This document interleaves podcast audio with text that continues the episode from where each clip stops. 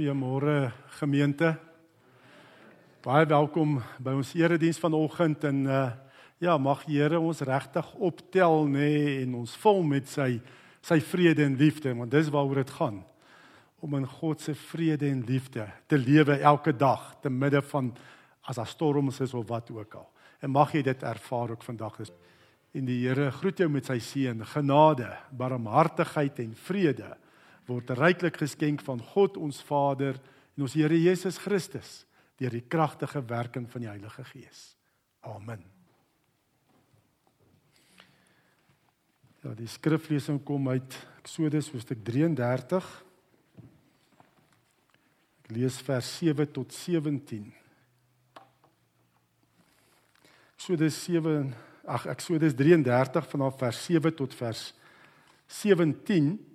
En ehm um, ja, ons het laas stil gestaan waar Israel die volk self nie tot God wou nader nie, maar sê Moses moet met die Here praat, net toe die Here nou ook sy wet gegee het. Eksodus ehm um, 20. Ehm um, en dan sien ons ja, maar die Here wil hê ons moet self tot hom nader. En ek wil bietjie verder op verder bou op daai tema om tot God te nader.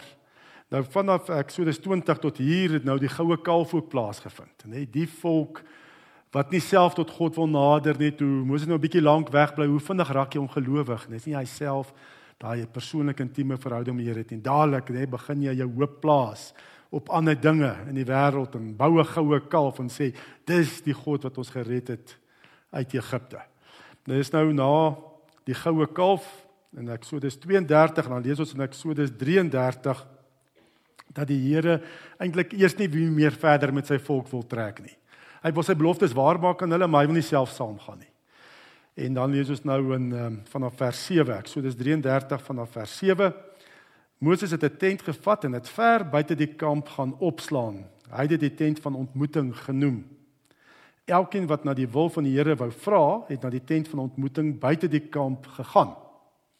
Elke keer wanneer Moses na die tent toe uitgegaan het, het die hele volk opgestaan, elkeen het by sy ingang van sy tent bly staan en Moses agterna gekyk tot hy in die tent ingaan. Sodra hy ingaan, het die wolkkolom afgekom en by die ingang van die tent van ontmoeting gaan staan. En dan die Here met Moses gepraat. Wanneer die hele volk die wolkkolom by die ingang van die tent van ontmoeting sien staan, het elkeen by die ingang van sy tent gebuig in aanbidding. Die Here het direk met Moses gepraat soos 'n man met sy vriend. Daarna is Moses terug kamp toe, maar sy assistent, die jong man Joshua seun van Nun, het nie die tent van ontmoeting verlaat nie. Dis veral waarop ek wil fokus, net dat Joshua daar gebly in God se teenwoordigheid. Op 'n keer het Moses vir die Here gesê: "Kyk, U beveel my om met hierdie volk te trek sonder om my mee te deel wie U saam met my stuur." Tog het U gesê, ek ken jou op jou naam. Ek is jou goedgesind. As U my dan goedgesind is, maak my U wil bekend sodat ek U kan leer ken en kan doen wat U verwag. Onthou tog, hierdie nasie is U volk. Toe die Here gevra, moet ek self saamgaan en vir jou vrede gee? Toe het Moses vir hom gesê: As u nie self saamgaan nie, maar u moet u ons nie van hier af laat wegtrek nie. Hoe sal die mense weet dat ek en die volk u goedgesindheid geniet as u nie self saam met ons gaan nie? Dit is juis deurdat u met ons saamgaan dat ons, ek en die volk, anders is as al die ander volke op die aarde. Die Here het vir Moses geantwoord: "Ook wat jy nou gevra het, sal ek do, sal ek doen. Ek is jou goedgesind en ek ken jou op jou naam." Ja, so gaan kyk om tot God te nader en in God se teenwoordigheid te lewe is so belangrik. Um Helen Keller is 'n um, baie bekende persoon, nê? Nee, Hy's 'n sy sy het um baie dinge geskryf, nê, nee, sy maar sy kenmerkend van haar was natuurlik sy was doof en blind. En sy het baie die die uh, opgestaan vir die regte van gestremde mense. Nou sy was blind en doof en hulle sê op 'n stadium met sy 'n onderwyser gehad wat haar gehelp het Anne Sullivan en die het vir haar aan voorwerpe laat vat en dan dit vir haar geskryf op 'n hand wat dit is, nê, nee, die verskillende goeters. En Anne Sullivan het ook vir haar probeer verduidelik wie God is. En nadat sy vir haar probeer verduidelik het, nê, nee, het sy op haar hand geskryf op Helen Keller se hand die woorde God. En interessant wat sy geantwoord het, Helen Keller is, "Thank you for telling me uh, God's name, teacher." for he has touched me many times before. Nee, sy wat nie kon sien en hoor nie.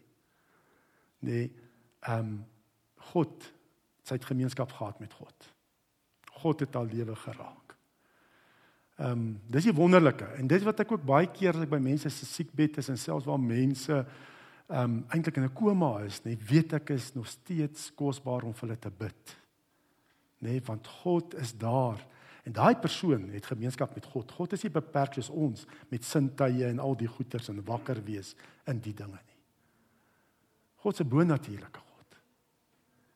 Nee, en hy kan geken word. Hy wil hê dat ons hom sal ken en dat ons gemeenskap met hom sal hê. Ehm um, ja, God is toeganklik. Jakobus sê nader tot God en hy sal tot julle nader. En so het Moses tot God genader self en dis wonderlik nie wat hier staan wanneer die hele volk in vers 10 ehm um, nee as Moses nou gaan na die tent van ontmoeting toe en dan vers 11 die Here het direk met Moses gepraat soos 'n man met sy vriend. Wat 'n wonderlike om sulke woorde oor jou naam geskrywe te hê nê. Ek was vriend van God. God het direk met my gepraat soos 'n man met sy vriend. Ek hoop jy wil dit hê. Ek wil dit graag hê. Dat God direk met my sal praat soos 'n man met sy vriend. Wat 'n wonderlike besonderse verhouding het Moses gehad. Maar dan sien ons nou weer aan die ander kant Israel, die volk. Hoe het hulle geleef? Elke keer as Moses uitgaan, dan staan in vers 10, wanneer die hele volk die wolkkolom by die ingang van die tent van ontmoeting sien staan, het elkeen by sy ingang van sy tent gebuig in aanbidding. Daar waar Moses net met God praat en God met hom praat soos met 'n vriend, nê, nee, en Moses intree vir die volk en sê, "Here, asseblief trek saam. Hulle hierdie is 'n 'n moeilike volk, maar maar tog, nê, nee, Here, as u nie saamgaan nie, moet ons nie van hier af laat trek nie. As as Moses so vir die volk intree, nê, dan aanbid, buig hulle in aanbidding nie. Want Moses is hulle middelaar. Hy tree vir hulle en terwyl hy intree, dan buig hulle in aanbidding. Hulle bou hulle verhouding met God op grond van Moses. Moses se voorbidding en intree. Net dis weer hulle verhouding, so tweedehandse verhouding. Hulle kan sien Ons leier het absoluut verhouding met die Here. En nou aanbid ons die Here as hy vir ons intree. Gelukkig was daar ook nog 'n ander jong man gewees, nê, nee, Joshua, seun van Nun, wat nie belang gestel het om 'n tweedehandse verhouding met die Here te hê, om te bou op Moses se verhouding met die Here nie. Nee. Wat het Joshua? Daar staan dan ook in die tweede helfte van vers 11. Daarna is Moses terug kamp toe, maar sy assistent Die jong man Joshua seun van Nun het nie die tent van ontmoeting verlaat nie. Joshua het net daar gebly. Sê Here, ek het U nodig. 'n Intiem persoonlike verhouding, eerstehandse verhouding wat hy met God gehandhaaf het. Nee, ehm um, hy het God geken ook. En dan weet ons later weet die beloofde land ingegaan van daai generasie 20 jaar en ouer. Joshua en die ou sonder 'n snor, nê, Caleb. Nê. Nee, ehm um, hulle het die beloofde land ingegaan. Nê? Nee, en Joshua was die leier. Om God se beloftes in jou lewe te ontvang, nê, nee, wat jou waardig maak en om jou roeping te vervul, vra 'n intiem persoonlike verhouding met die Here, 'n eerstehandse verhouding met die Here. Nee, want ons is geskape daarvoor. Dis waarvoor God ons geskaap het vir daai intiem persoonlike verhouding met die Here. Die Here het alles gedoen hè dat hy 'n pa-kind verhouding met jou kan hê. Daar was niks wat vir hom te groot of te erg was dat jy na hom toe kan kom nie. Hy het daai pad oopgemaak. Ek vind ons Ons is geskaap om die Here se liefde te ontvang, nê. Nee. Nee, om sy Vader liefde te ontvang en dan weer te gee vir mense om my, terug te gee aan hom natuurlik, maar die mense om my. Dis waarvoor God jou op aarde geplaas het. Nie om dinge, mense dink baie keer, hoe waarvoor is ek op aarde om die Here te dien? Dis nie die hoofsaak waarom jy op aarde is nie. God het genoeg dienende geeste, ons noem hulle engele wat dinge vir hom kan doen. Die Here is nie afhanklik van jou dienswerk nie. Wat wil hy hê? Wat is sy hart vir jou? Intiem persoonlike verhouding waar hy sy liefde met jou deel. Johannes 3 vers 16, natuurlik 'n baie bekende vers net. God die wêreld so lief gehad dat hy sy enigste seun gegee het, so die wat in hom glo, nie verlore sal gaan nie, maar die ewige lewe sal hê.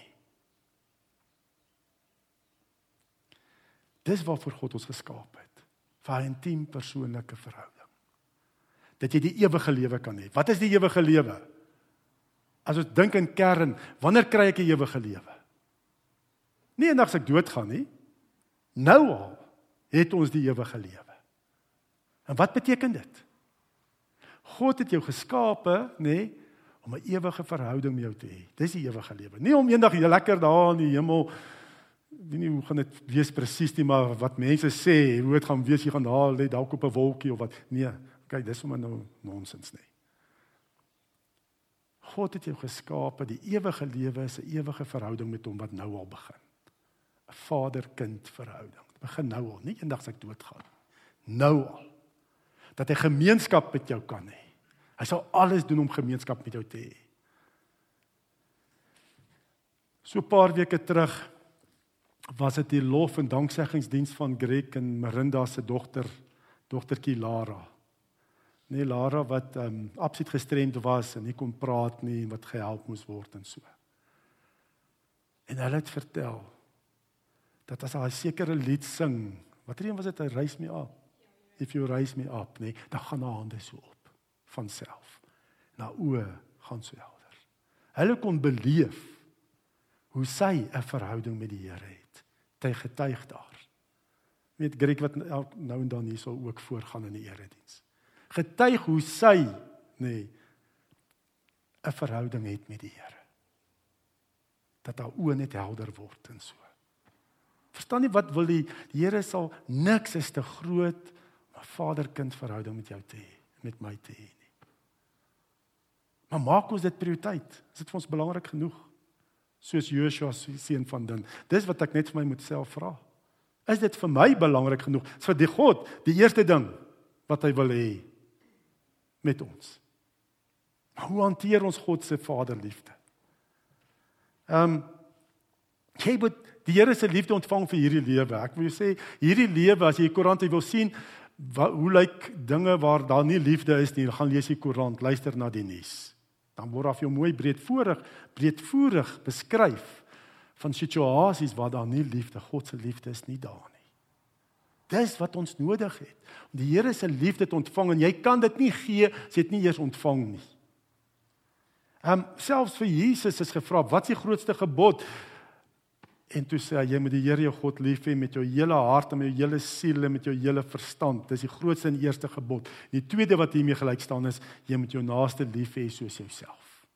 Net dis waarvoor ons geskape is. Dis eerste ding. Om die Here se liefde te ontvang dit vir hom te gee vir die mense om my om dit uit te deel aan 'n wêreld wat dit nodig het. Kom ek sê vir jou dit gaan nie jou Bybelkennis wees wat jou ongelowige kollega by die werk gaan oortuig om 'n Christen te word nie. Ek het al probeer redeneer. Oeg, mense agnostikuste. Ek weet wat noem hulle almal nie, ateëste, wat ook al. Jy kan redeneer en redeneer nê. Ek het nog bitter gesien dat iemand uit oortuiging nê, nee, uit uit redenasie Jesus aanvaar. Maar ek het al gesien waar jy die liefde van die Here aan iemand bedien en hom sê maar die Here het 'n beter pad vir jou. Hoe daai mense oopmaak want hulle ervaar God se liefde deur jou vloei. Hulle ervaar die Vaderliefde en dan sê hulle ek wil meer weet. Ehm um, Jesus het ook gesê 1 Korintiërs 13 vers 1 tot 3 Al praat ek tale van mense en engele, maar ek het geen liefde en het ek 'n stuk klinkende metale galmende simbaal geword. Al het ek die gawe van profesie en dan ken ek al die geheimenisse en besit ek al die kennis en en al het ek al die geloof om berge te versit, maar ek het geen liefde nie, dan is ek niks. Al deel ek al wat ek het aan ander uit en al gee ek my liggaam prys om my daarop te kan beroem, maar ek het geen liefde nie, baat dit my niks. Dit gaan oor die liefde, die liefde van die Here. Net dit moet jy geken word aan. Hey, dit is ek sien God se liefde in jou. Iemand wat hier veroordeel en sit en dink ek weet beter en ek's 'n beter mens as iemand anderster. Nee, dis nie God nie. Daai hoogmoed, nee, jy's op die troontjie. Maar God se liefde deur my vloei. Dit is dit is die groot saak. 'n Persoonlike verhouding met die Here. En dis wat Josua op gefokus het. Nê? Nee, hy was daar by die tabernakel. En hy eers God se liefde ontvang. Eers 'n tydperk van voorbereiding, nê, nee, waar hy in God se teenwoordigheid verkeer het om vol te word van die Vader se liefde, om later dit te gaan uitdeel en later te gaan doen as leier van Israel. So jy moet eers ontvang God se liefde.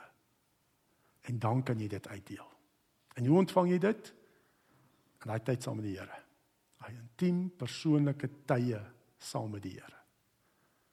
Dit my prioriteit te maak. Om sy liefde te ontvang. Dat sy woord lees, bid, tyd met God spandeer. En ehm um, ja. So het Joshua en Caleb, hulle was ook ehm um, twee van daai 12 spioene wat toe hulle nou op die grens van Kanaan gekom wil ingaan toe stuur Moses hierdie 12 spioene uit waarvan Joshua en Caleb ook deel was. En die ouens kom terug en sê dit is 'n wonderlike land, dit is 'n mooi land, dit is 'n dis geseënde land. Maar 10 van hierdie spioene sê toe Dis nie ons is maar ou volkie wat hier rondgeswerf het in die woestyn nomade volk. Ons is nie soldate nie. Hierdie volk, hierdie land word geken aan versterkte stede en hulle kom in opstand net teen Moses en Aaron, eintlik maar teen God. En die volk sê toe onder leiding van hierdie 10 spioene wat terugrapporteer oor die versterkte stede en die soldate en die en die reëse wat daar is, nê. Um kom in opstand in hierdie volk saam met die 10 spioene sê as ons maar in Egipte of in hierdie woestyn gesterf het, waarom het die Here ons na hierdie land toe gebring? Net om doodgemaak te word. Ons vrouens en kinders sal kruisgevangenes word. Is dit nie vir ons beter om na Egipte toe terug te gaan nie? Hulle het toe vir mekaar sê, kom ons kies 'n leier gaan terug Egipte toe.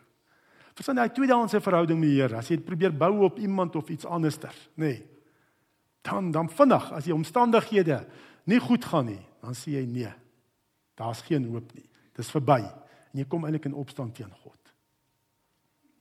Nou Joshua en Caleb was saam met hulle in Kanaan, het ook die versterkte stede gesien, het ook die reëse gesien, het ook die klomp soldate gesien, het alles dieselfde gesien. Maar hulle reageer heeltemal anders. Né? Nee? Numeri 14 vers 7 tot 9.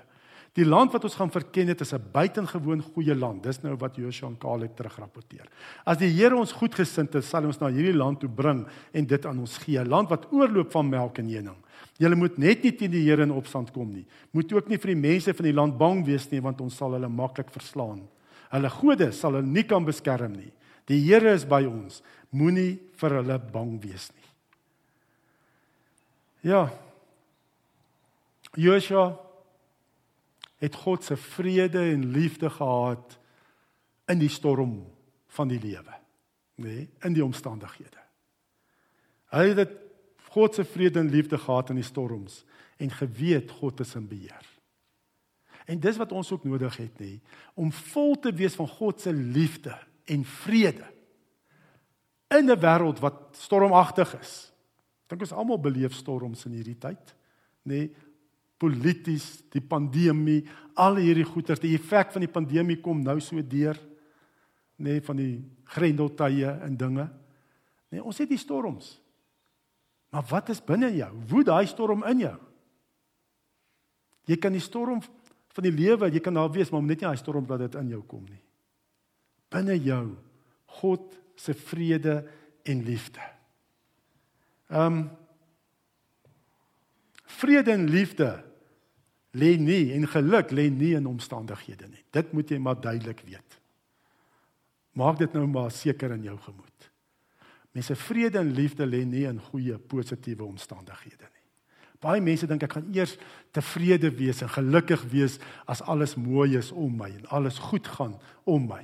En dit bepaal dan my besluite wat ek doen en waar ek gaan en wat ook al. Nee. Maar maak seker vrede, liefde en vreugde lê nie in omstandighede nie. Dis 'n innerlike gesindheid van jou hart. Dis wat God gee. Te midde van omstandighede. Ja. En daar gaan baie keer dit gaan gebeur. Nee, daar gaan baie storms in jou lewe wees. Jou baas gaan nie altyd reg optree teenoor jou nie. Gaan nie altyd regverdig wees teenoor jou nie. Daar is tye wat jy nie daai bevordering gaan kry nie. Dit is so wat iemand wat jy dink nie so goed is nie, het dit gekry. Daar gaan tye wees waar jou kind nie gehoorsaam is nie. Nee, so graag het anders ter wou gehad, jou kind moes anders op. Daai tye gaan kom, daai storms gaan daar wees. Maar moenie daai vrede en liefde van die Here verloor nie in daai omstandighede nie.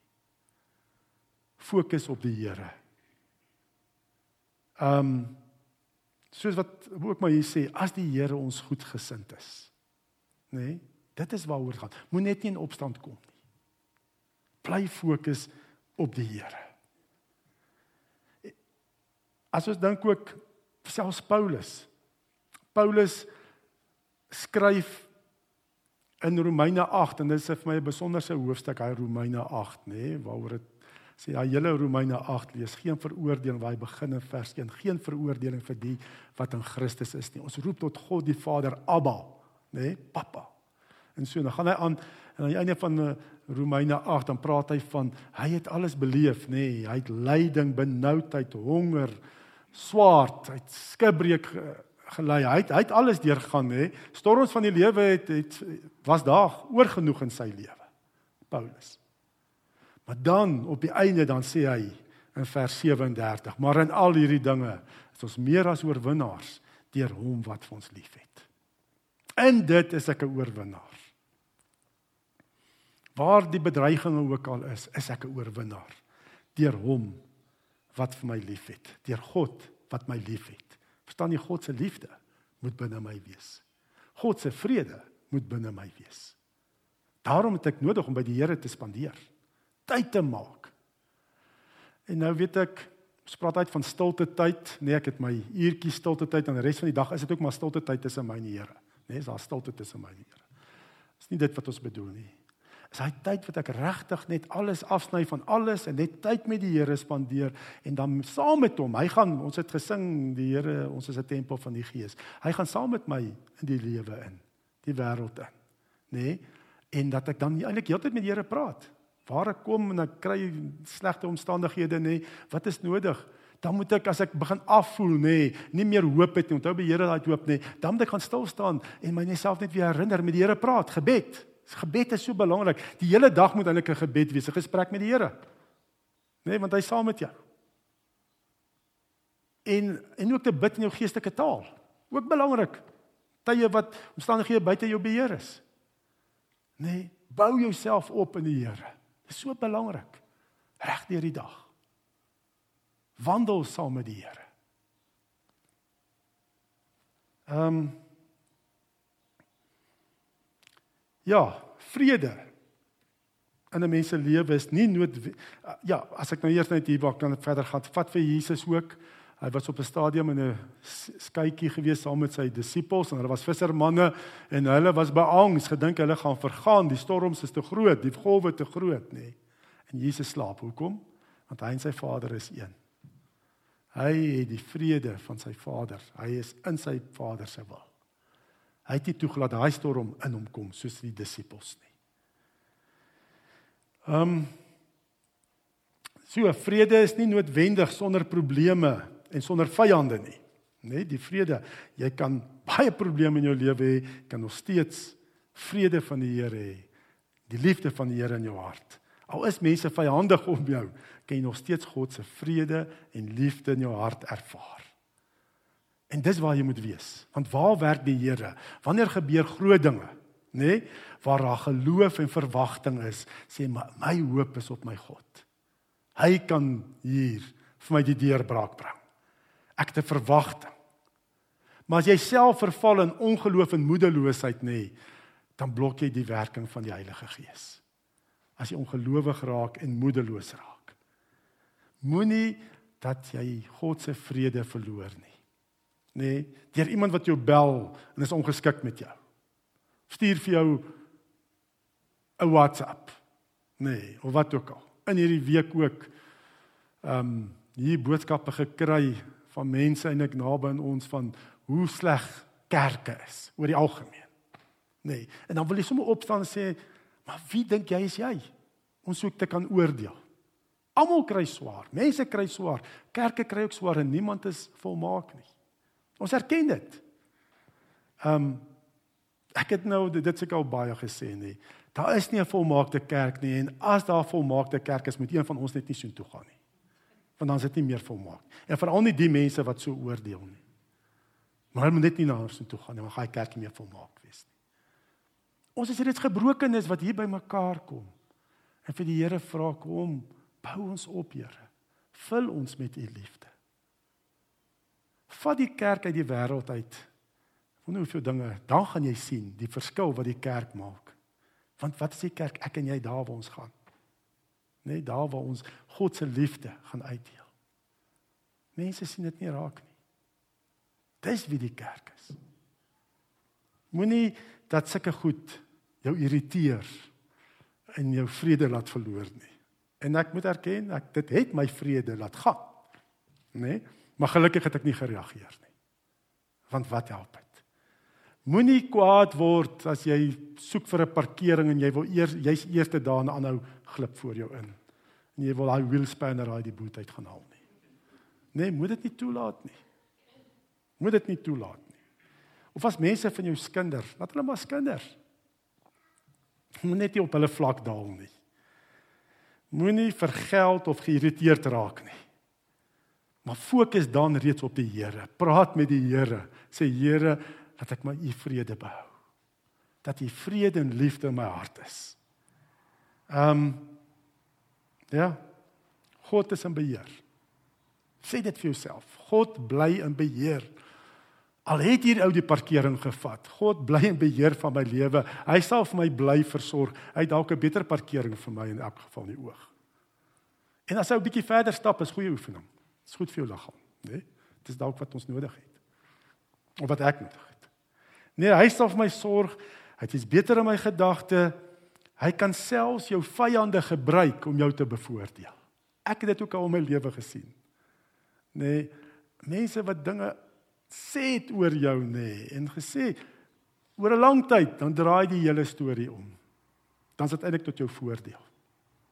Want mense kan sien deur valshede. Hulle sien deur valshede. Bly jy net in die wil van die Here, in die vrede van die Here. Moenie aan mense die reg gee om jou vrede te steel nie. Om jou ongelukkig te maak, om jou af te trek nie. Moenie vir mense daai reg gee nie. Sodra jy voel jy word afgetrek, gaan na die Here toe. Word gevul met sy liefde, sy teenwoordigheid. Ek uh, lees so 'n boek van 'n uh, 'n groot gemeente wat 'n paar predikante of pastors het. En die een pastor het toe besluit hy gaan hom vir 'n week afsluit en net met die Here spandeer, tyd met die Here spandeer het om net maar een kant toe, een kant gehou, ehm um, tyd met die Here. En na die week kom hy terug en een van sy kollegas merk toe op geïrriteerd Ja, jy het lekker gaan rus terwyl ons al die werk moes doen en jy lyk nie eens anders nie. En hy reageer toe en sê, "Maar jy broer lyk nou vir my anders." En dit is eintlik, nê? Hoe kyk ons na ander mense om ons? Nê, mense kritiseer baie keer uit 'n plek van seer. Plek waar hulle eintlik nê sleg voel en minderwaardig voel en dan begin hulle kritiseer. So laat mense om jou vir jou anders begin lyk dat jy nie meer so kwaad word nie. Dat jy vrede behou. Ehm um, ja, en dis net deur intieme verhouding, persoonlike verhouding met God wat ons dit kan hê om dan so ook sy ligdraers te wees. In die Bybel word gelowiges, opregte gelowiges wat wat ehm um, die vrede van die Here het, word beskryf as 'n arend. En dis wie ons is in Christus, nê. Nee. Ehm um, ons is 'n arend. Gelowiges arende. Ehm um, weet 'n arende het ook maar dinge wat hulle ver, wat hulle ook maar pla en peste en sulke goeters. En uh, blykbaar 'n kraai, ek het nou gelees 'n kraai is vir 'n arend 'n probleem. Want uh, baie keer as 'n arend vlieg, dan kom 'n kraai agter hom aan en 'n arend hou daarvan eintlik om ger, nee, geluidloos en ehm um, en, en en met verrassing aan te val. As die kraai agter hom, ja, jy weet mos hoe kras en skreeu 'n kraai en irriteer hierdie arend um, om hom te verpes. Nee, en ehm um, ek gaan kry nog hoenders ook en kalkoene en sulke goeters nê. Nee. Ehm um, ons moet nie so raak nie. Ons moet die arend wees. Nou wat doen 'n arend om van hierdie kraaie ontslae te raak? 'n Kraai kan vinnig manoeuvreer nê, nee, want hy's mos 'n kleiner dier en so. Uh arend kan nie so vinnig van rigting verander nie. Maar om ontslae te raak van hierdie kraai agter hom wat hom verpes. Wat doen 'n arend? Hy's 8 voet vlerkspan span wyd uit. Hy vat die lugstrome, die warm lugstrome, hy styg net hoër en hoër en hoër en hoër. Hoër en hoër tot daar waar 'n kraai, ander voëls nie eens kan asemhaal nie, nog minder kan vlieg. Net, hulle het sê hulle het al arende op 20000 voet gesien. 20000 voet met die suurstof hê. Daar waar arend vlieg. Vir hoë hoogtes gemaak. So hy styg net hoër om ontslae te raak van al hierdie peste en dinge wat hom pla. En dit is ook so. Daar is ook baie keer mense in ons lewens wat ons verpes. Nê? Nee, wat vir ons irriteer as ons hulle toelaat. Maar moenie gaan sak nie. Ek het nog nie 'n arend gesien saam met 'n hoender pik op die grond nie. Moenie sak en ook daar gaan pik terwyl jy arendsvlerke het en Here, gaan pik daar saam met die hoenders en kalkoene op die grond nie. Styg hoër. Leef hoër. Laat dit verbygaan. Partykeer kom jy agter om hier iets te sê gaan geen verskil maak nie. Nee, moenie, los dit. Plaas in die Here se hande. Gaan leef hoog soos waarvoor die Here jou voorgeskaap het. Jy's geskape na na God se beeld. Moenie op die vlak daal van jou vyande nie. Nee, van die mense wat jou irriteer en pla nie. Reeds as jy reageer, nee, hou hulle aan dan jy hulle mag gegee en hulle hou daarvan, nê. Nee. En dan gaan hulle eers aan. O, oh, kyk hoe reageer hy, nê. Nee. Hm, ja. Nee, moenie styg op. Gaan hoor. Leef op hoë plekke naby God. Moenie deur jou storms van die lewe vlieg nie. Arend, as daar storm is, styg hoër. Hy gaan oor die storm van die lewe. Jy ook.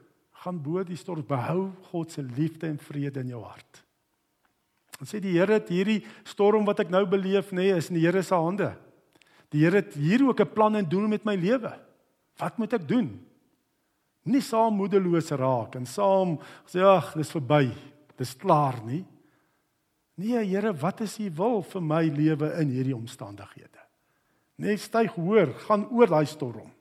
Moenie vlerk klap soos 'n kraai of 'n hoender nie. Hoender wat nie eens amper kan opstyg nie. Nê? Nee, ehm um, gaan net hoor saam met die Here. Bou God se vrede en liefde in jou hart.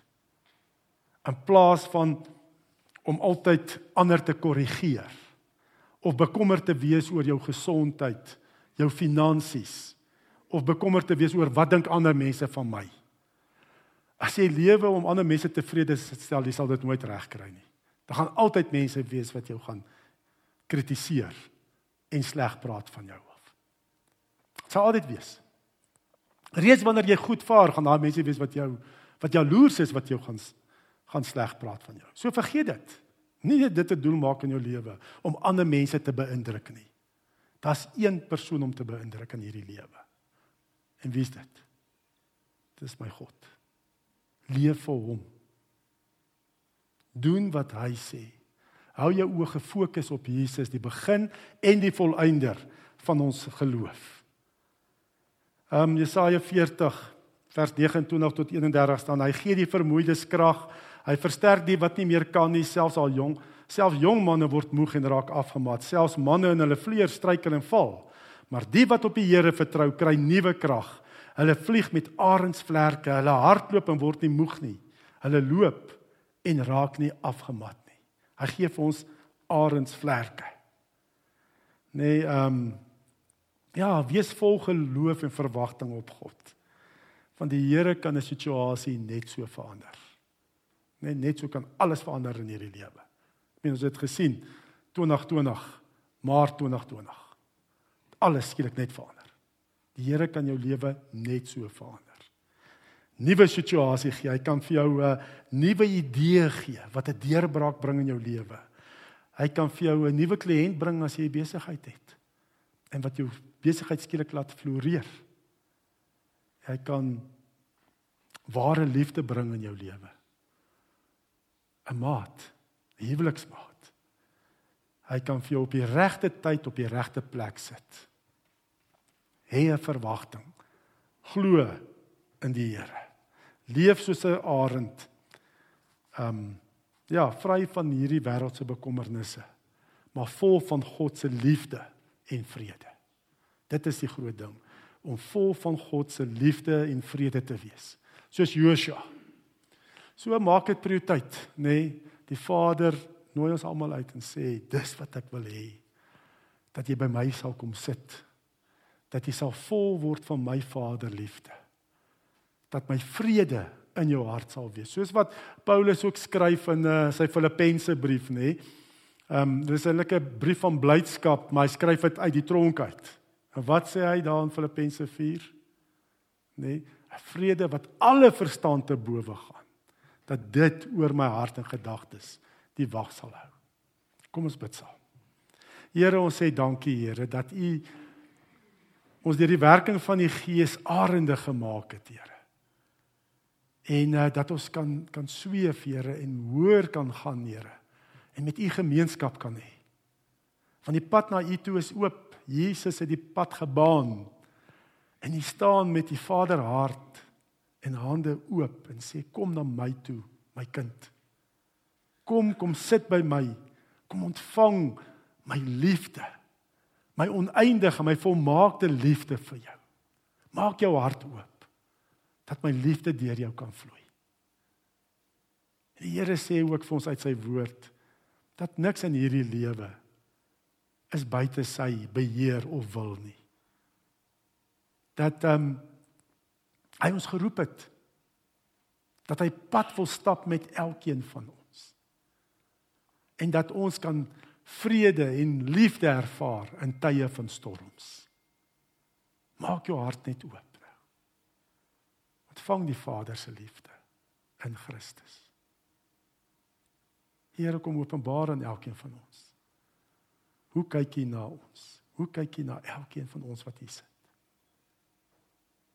Wat is u hart vir ons? Wys ons hier.